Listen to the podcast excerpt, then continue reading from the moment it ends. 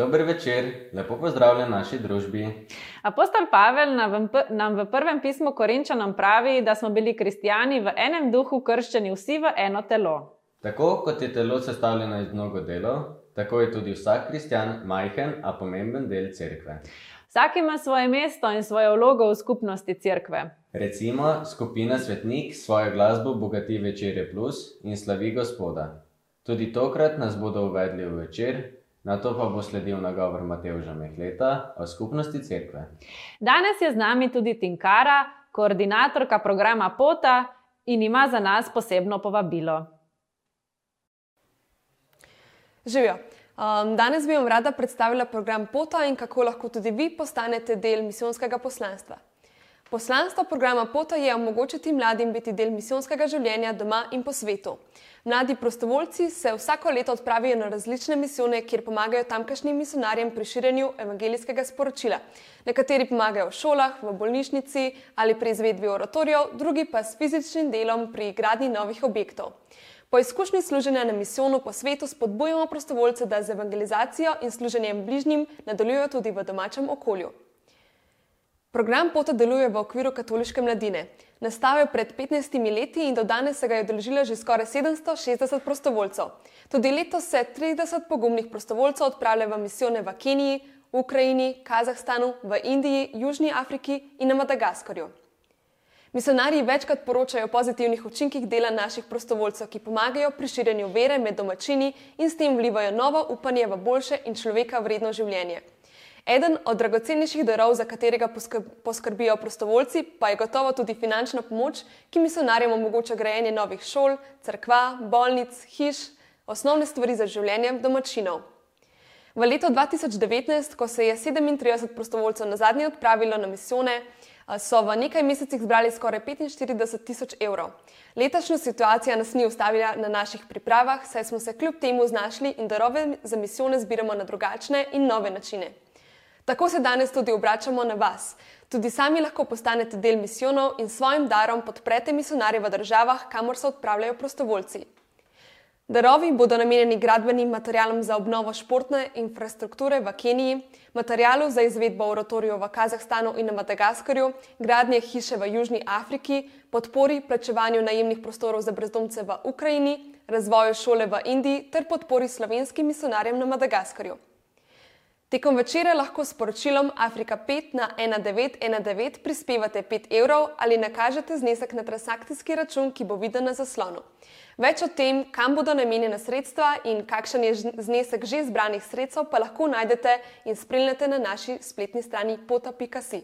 Hvala za vsak vaš dar. Lepo pozdravljeni. To je naš prvi večer plus po veliki noči in vam kličemo Aleluja. In v tem veselju bomo tudi začeli z tole pesmijo, prevod pesmi Living Hope, Fila uh, Wickama v slovenščini Živo upanje. Pa vas ker vabim, da se pridružite v, v tej hvalnici, v tej zgodbi odrešenja, ki, ki je tudi naša zgodba. Ni samo zgodba napisana v tej čudoviti knjigi, ampak je zgodba, ki se dogaja na nov način tudi danes. thank you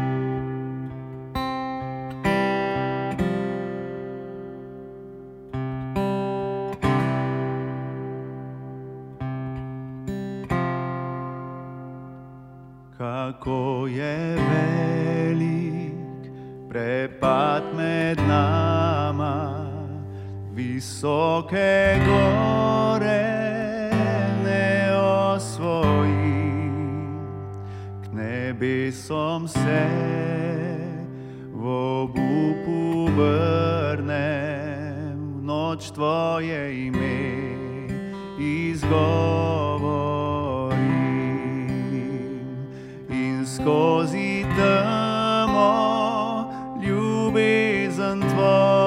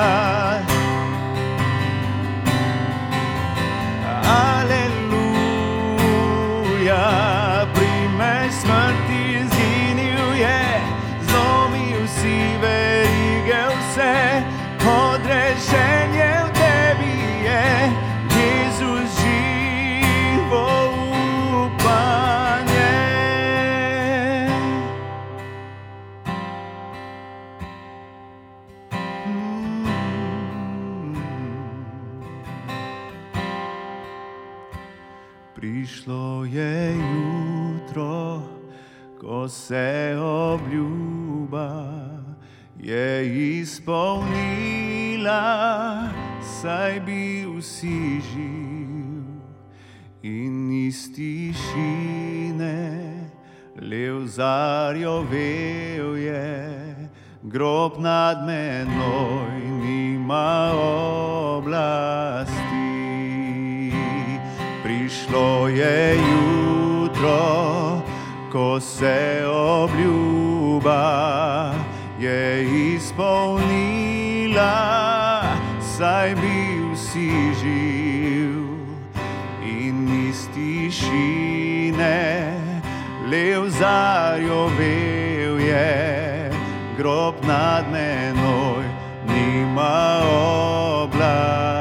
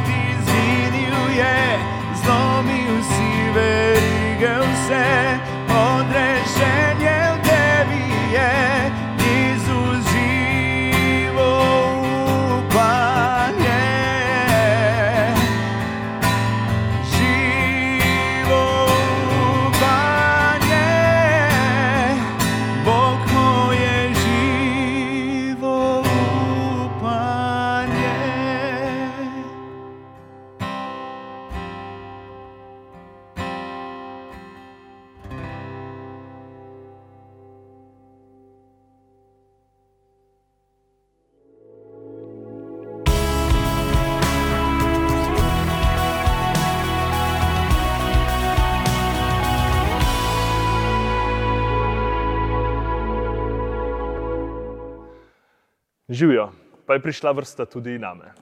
V zadnjem času me zaradi različnih razlogov predvsem nagovarja skrivnost cerkve.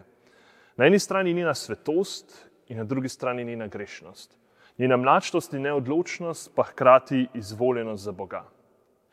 In ko sem tukaj v tej skrivnosti, me je večkrat spodbudil in po svoje zdravo vznemiril in me v bistvu še vznemirja svetopisanski odlomek z konca drugega poglavja apostolskih del. V njem je govora o prvi krščanski skupnosti. In še posebej izstopa stavek, bili so stanovitni v nauka apostolov in v občestvu, v lomljenju kruha in v molitvah. Torej, prva crkva je imela te štiri temelje: nauka apostolov, občestvo, lomljenje kruha in molitve.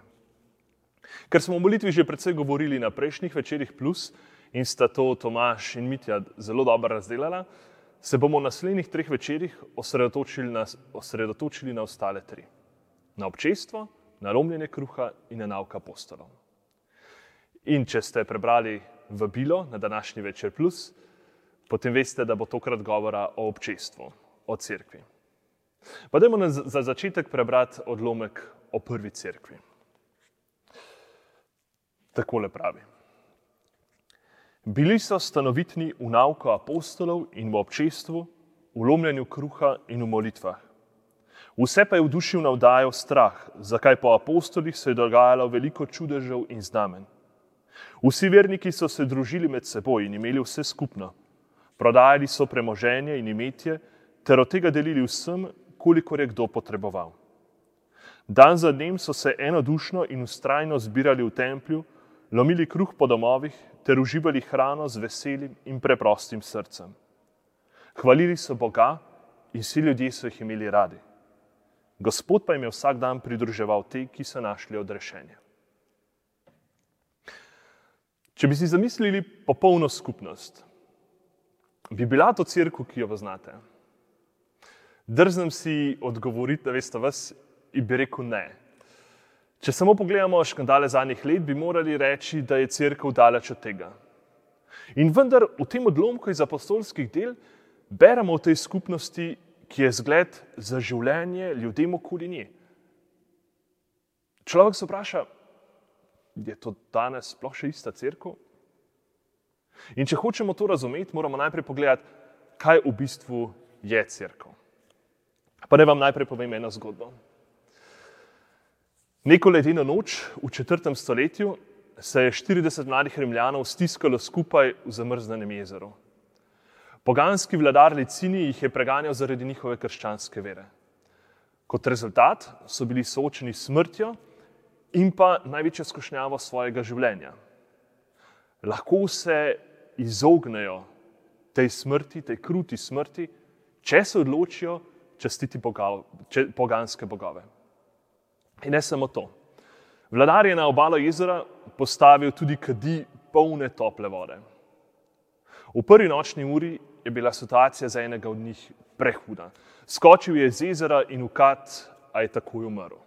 Verjetno ga je zadela kap. Ostali so se na dogodek odzvali skupno molitvijo. Še bolj jih je ta situacija povezala med seboj. Vedeli so, da jo bodo zdržali izključno, če bodo držali skupaj. In celotna situacija je prevzela enega od tistih, ki jih je stražil, tako močno, da je tudi sam se jim pridružil. In vsi skupaj so ustrajali do smrti. Ko poslušam to zgodbo ali pa odlomek o prvi cerkvi, me prevzame predvsem povezanost teh kristijanov. Prva crkva je imela vse skupno. Piše, da so bili kakor ena duša. Ali pa močenci, teh 40 močencev na jezeru. Mogli so ustrajati samo s skupnim spodbujanjem in skupno molitvijo. In če bi šel gledati v novi zavezi, je nešteto primerov, ki kažejo na potrebnost tega, da imamo okoli sebe skupnost, če hočem hoditi za Kristusom. Preko skupnosti se vera prenaša naprej in ne samo to, v njej se živi in se ta vera ohranja. Samo pomislite, odkje ste vi prejeli vero? Prejeli ste jo ali od svojih staršev, starih staršev, mogoče, če ste se kasneje v življenju obrnili k krščanstvu, prišli v crkvu, je bil to kakšen od vaših prijateljev, mogoče so šolec, kakorkoli vendar je bila oseba tam, je bila skupnost. Cerkev je torej božji odgovor na našo osnovno človeško potrebo, potem, da smo povezani z drugim.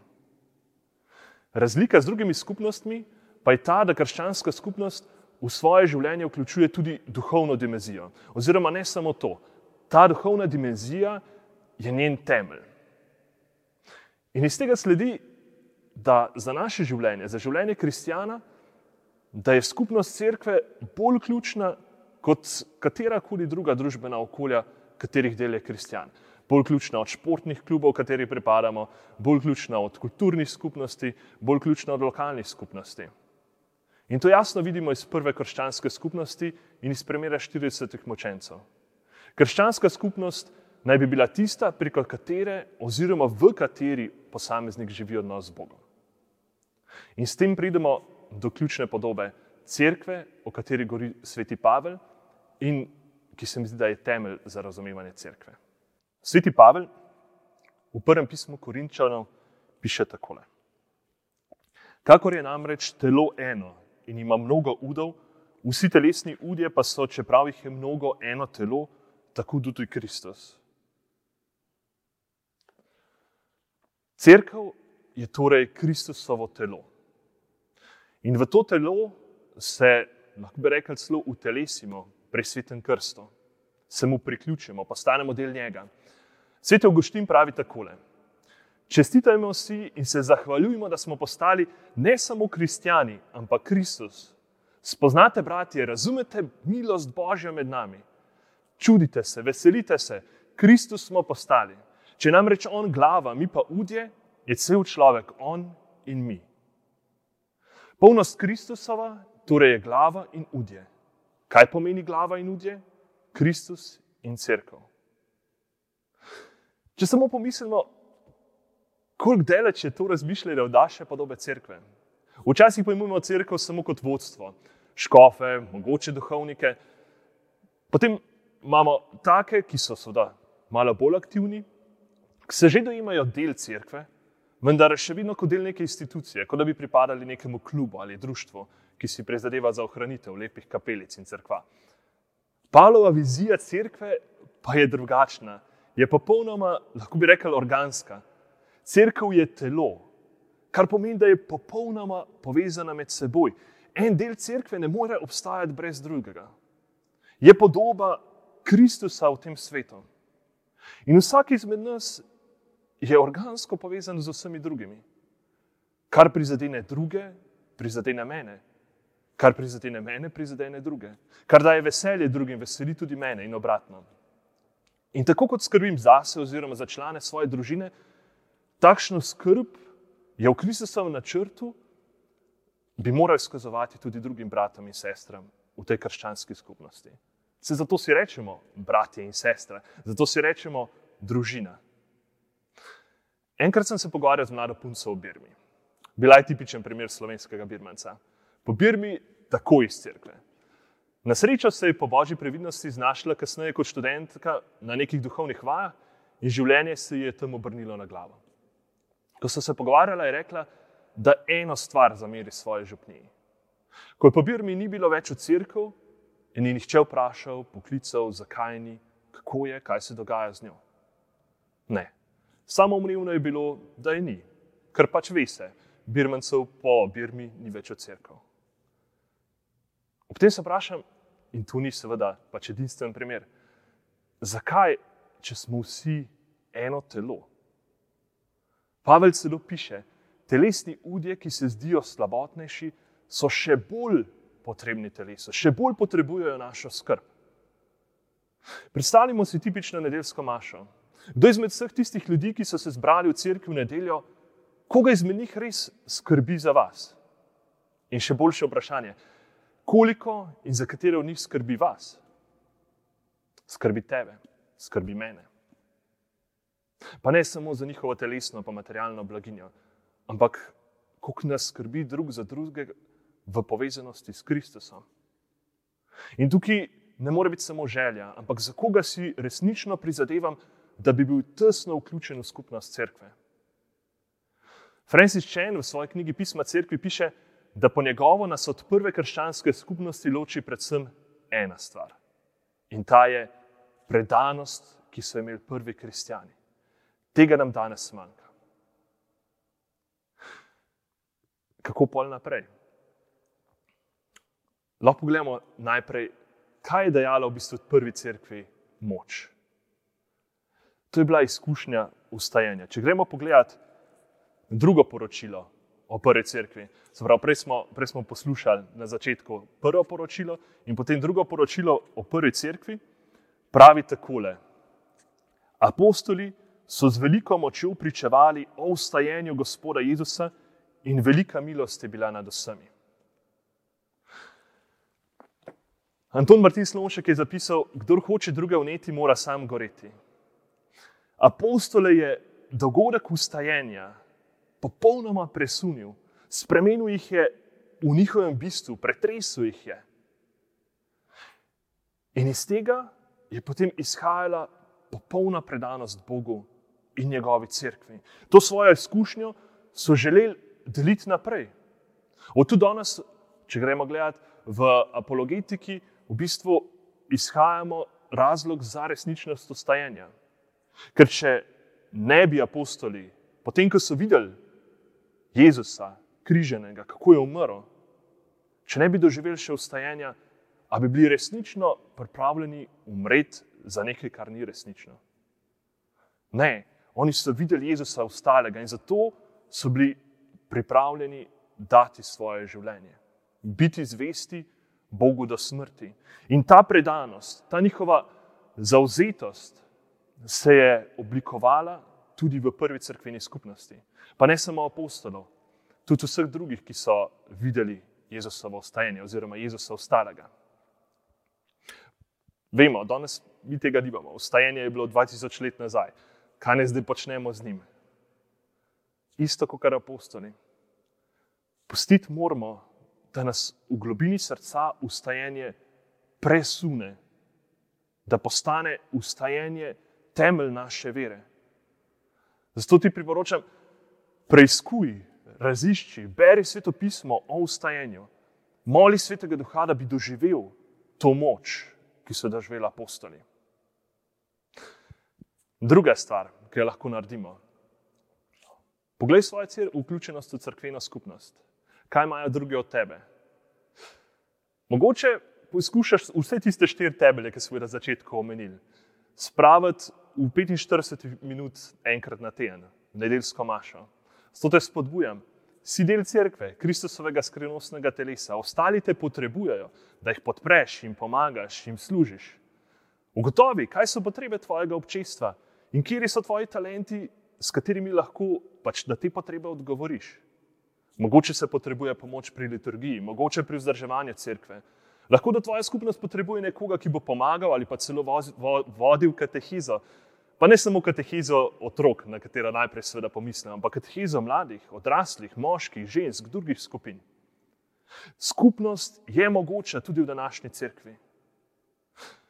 Lahko vam povem v bistvu izkušnjo, ki sem imel zdaj v dneh, ki so za nami um, prav s krščansko skupnostjo. In sicer smo se z parimi moškimi pridružili programu Exodus 90. 90 dni smo ustrajali usmerjeni v isti cilj.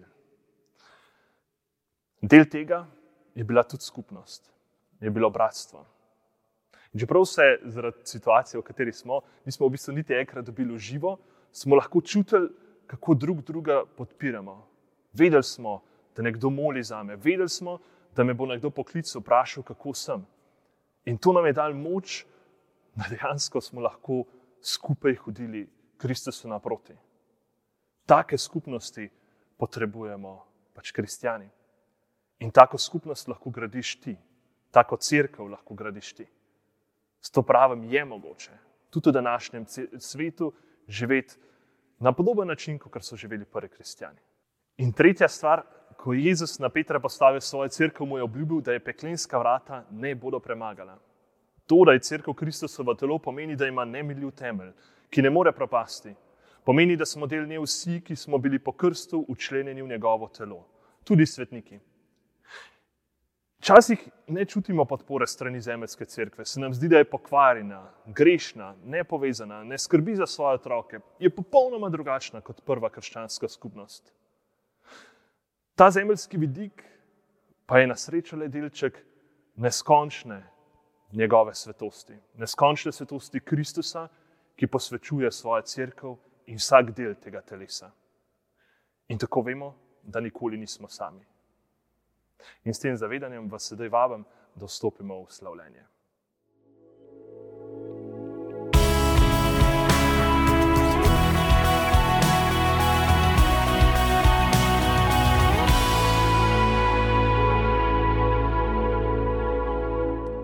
Spet smo skupaj zbrani tako nadaljavo, da bi skupaj slavili našega Gospoda, starega Gospoda. In uh, zbrani smo v veselju, pa vendar prihajamo vsak iz svoje situacije, ki pa ni nujno tako vesela. Uh, lahko, lahko nekdo od vas tež, v težkih problemih, v težkih življenjskih situacijah, v preizkušnjah, uh, pa vendar um, to stajensko veselje, ki nam ga naš odrešenik, naš, naš Gospod ponuja, je absolutno. In uh, začeli bomo z Psalmom 91, oziroma našo pesmijo Zavetje. Psalm 91 pa takole pravi: Tisti, ki stanuje v zavetju najvišjega, ki prenočuje v senci mogočnega, pravi Gospodu, moje zatočišče in moja trdnjava, moj Bog, ki van zaupam. Zares On te bo rešil iz zanke pred pogubno kugo. Tako res relevanten psalm za današnji čas, še prav to kugo omenja. In uh, v tem zaupanju, postavimo se pred Gospoda v tem zaupanju, in naj bo to res naša skupna molitev, se osredotočimo na tisto, kar je pomembno v našem življenju. Obljuba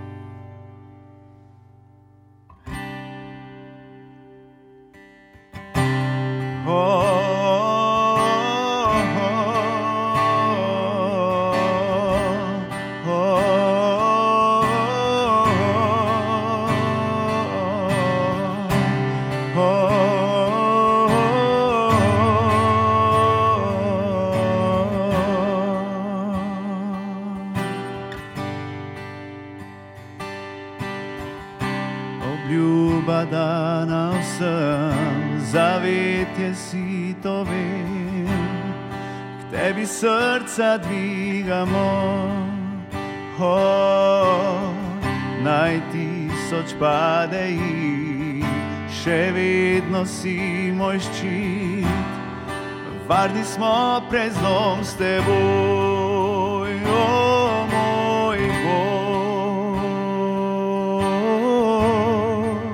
zaupam ti, o moj Bog, o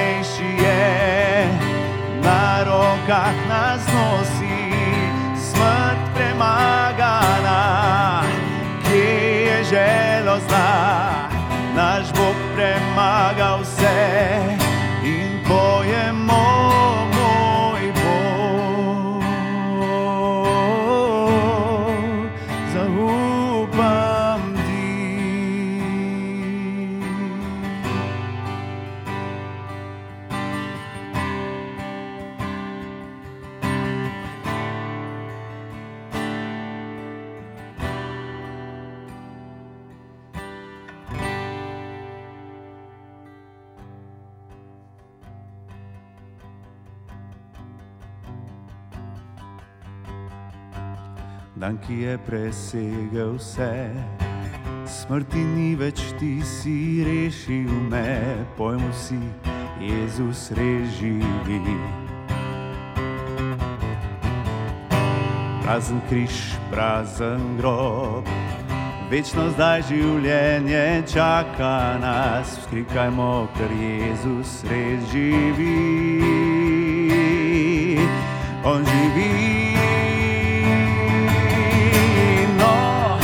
Srečni dan, srečni dan, moj greh je zdaj opran. No, srečni dan, srečni dan, ne bom več tako kot prej.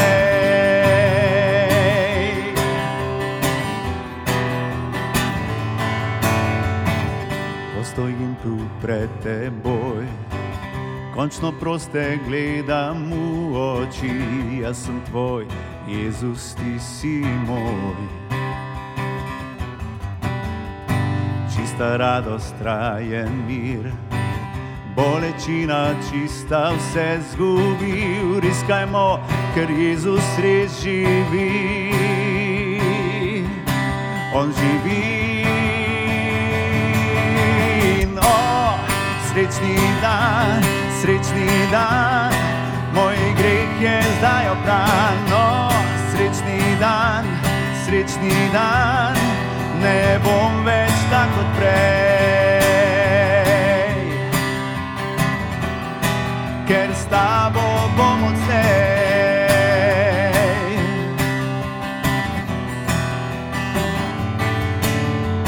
O,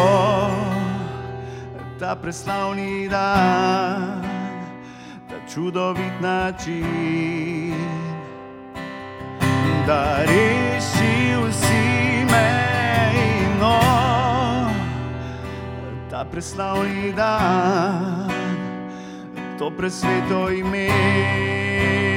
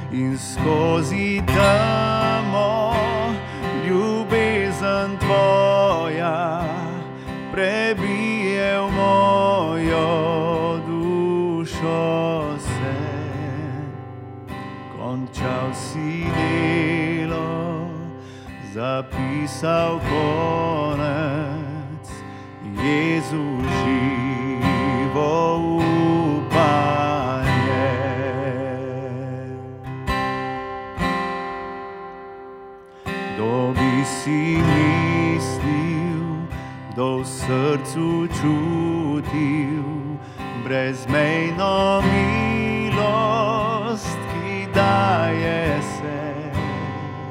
Bog večni stopil, je svoje slave, da greh sramoto nosil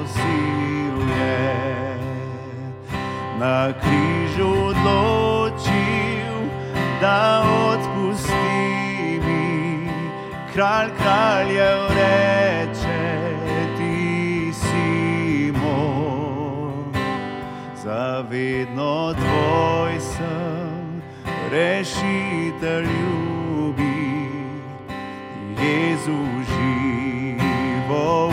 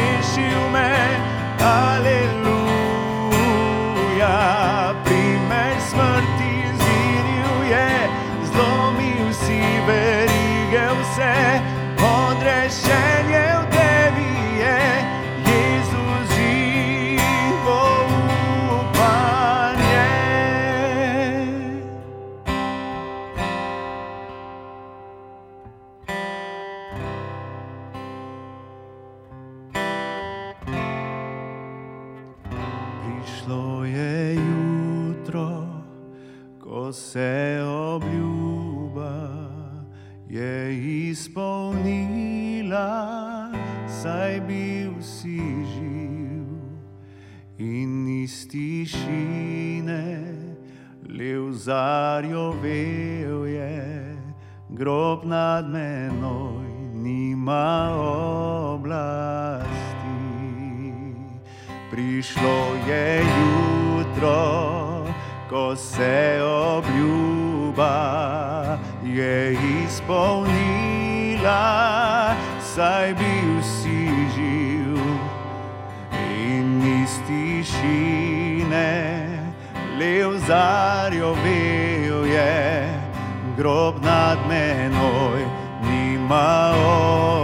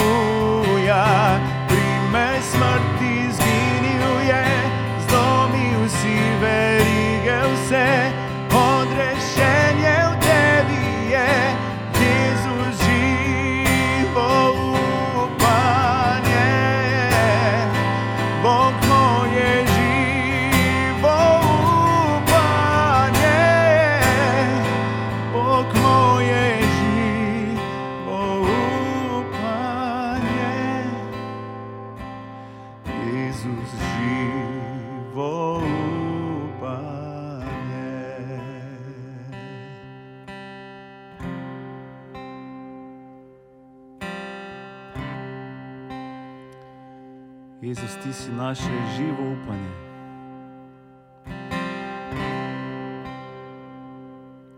In z isto močjo, kot si, kot si odvalil tisti kamen z groba in vstal od mrtvih in šel iz tistega praznega groba, ki nas straši, ki nam daje neko negotovost v življenju. Z isto močjo steguješ roko proti nam in nam pomagaš v naših situacijah, Gospod, to verujemo. Ti si večji od vseh problemov, močnejši od vseh problemov.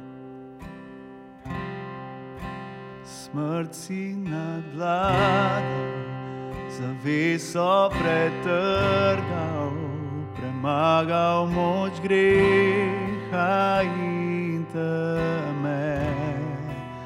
Nebesih odmeva ti hvalnica slave, si obujen v življenje bil, s tabo ne more nihče tekmovati, zdaj in zavedno vladal boš. Kralj si nad kralji, vreden vse slave, tvoje ime najvišje je. Čudovito ime imaš, čudovito ime imaš, ime naš Jezus kralj.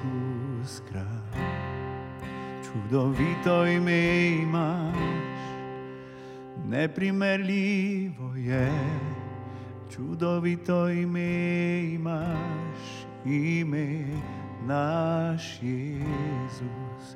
Čudovito ime imaš, ime naš Jezus.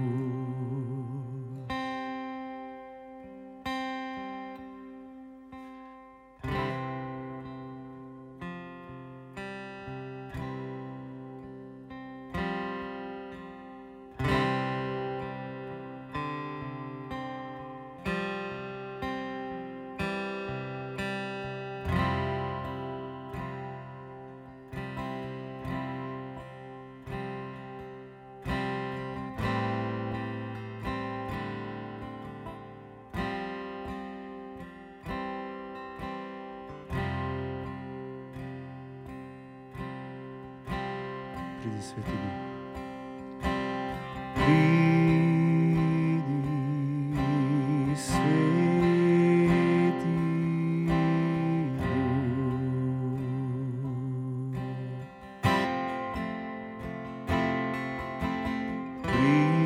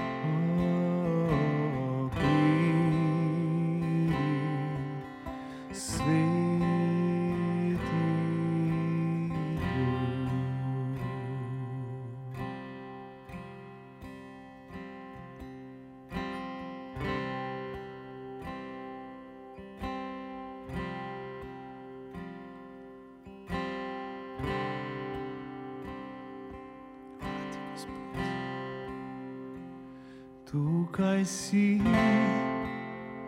naši sredi ti, slavimo te, slavimo te. Tukaj si, delaš tu in zdaj, slavimo te, slavimo te. Potutiraš, čudeže delaš, zvesto obljubam, luč si v temi, moj Bog, to si ti, moj Bog.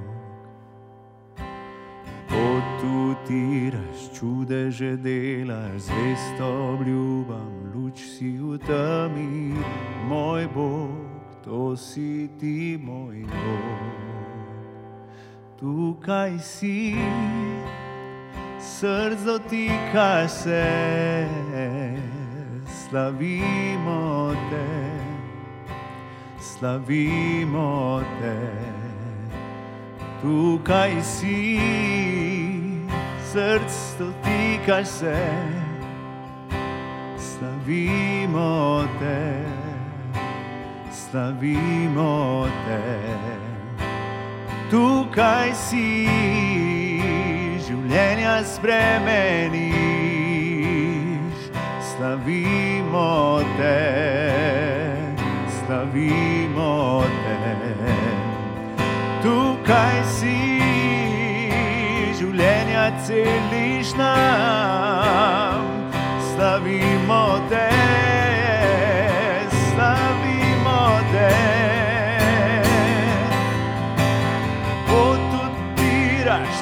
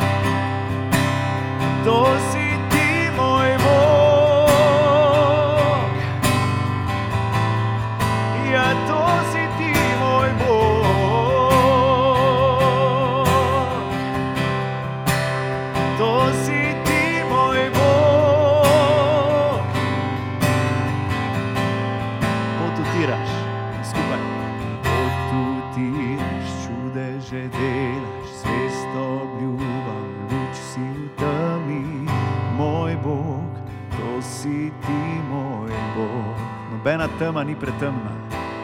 Potutiraš čudeže delaš, svesto obljubam, luč si v temi, moj Bog, to si ti, moj Bog.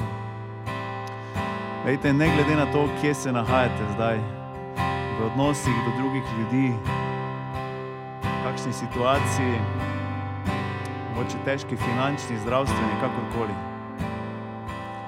Ne glede na to, kje se počutite v tem trenutku v odnosu do Boga, za njega nič ni težko, če vstal od mrtvih. On je Bog. On odtira pot kjerkoli. Potutiraš čudeže, delaš zvesto obljubam, luč si v temi, moj Bog, to si ti, moj Bog. Oh, potutiraš čudeže, delaš zvesto obljubam, luč si v temi, moj Bog, to si ti, moj Bog. To si ti, moj Bog, Bog, to si ti, moj Bog, to si ti, moj Bog, to si ti, moj Bog, to si ti, moj Bog.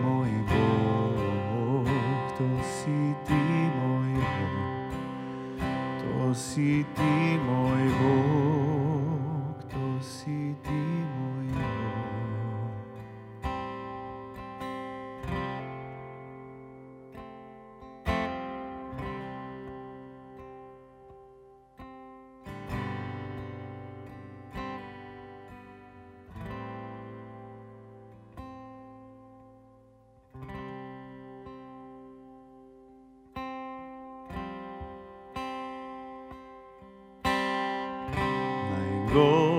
pote varuje, blagoslovi ob si in ti bo milostiv naj razjavi.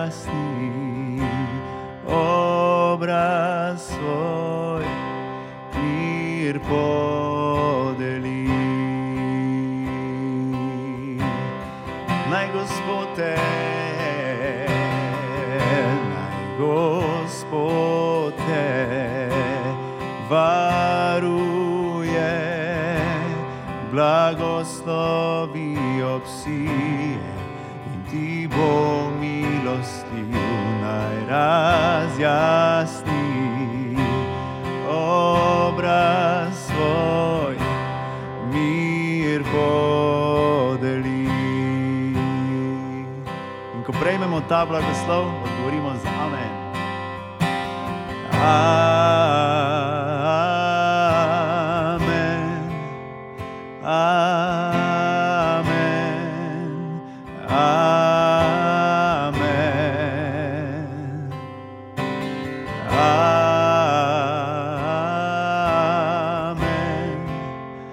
Amen.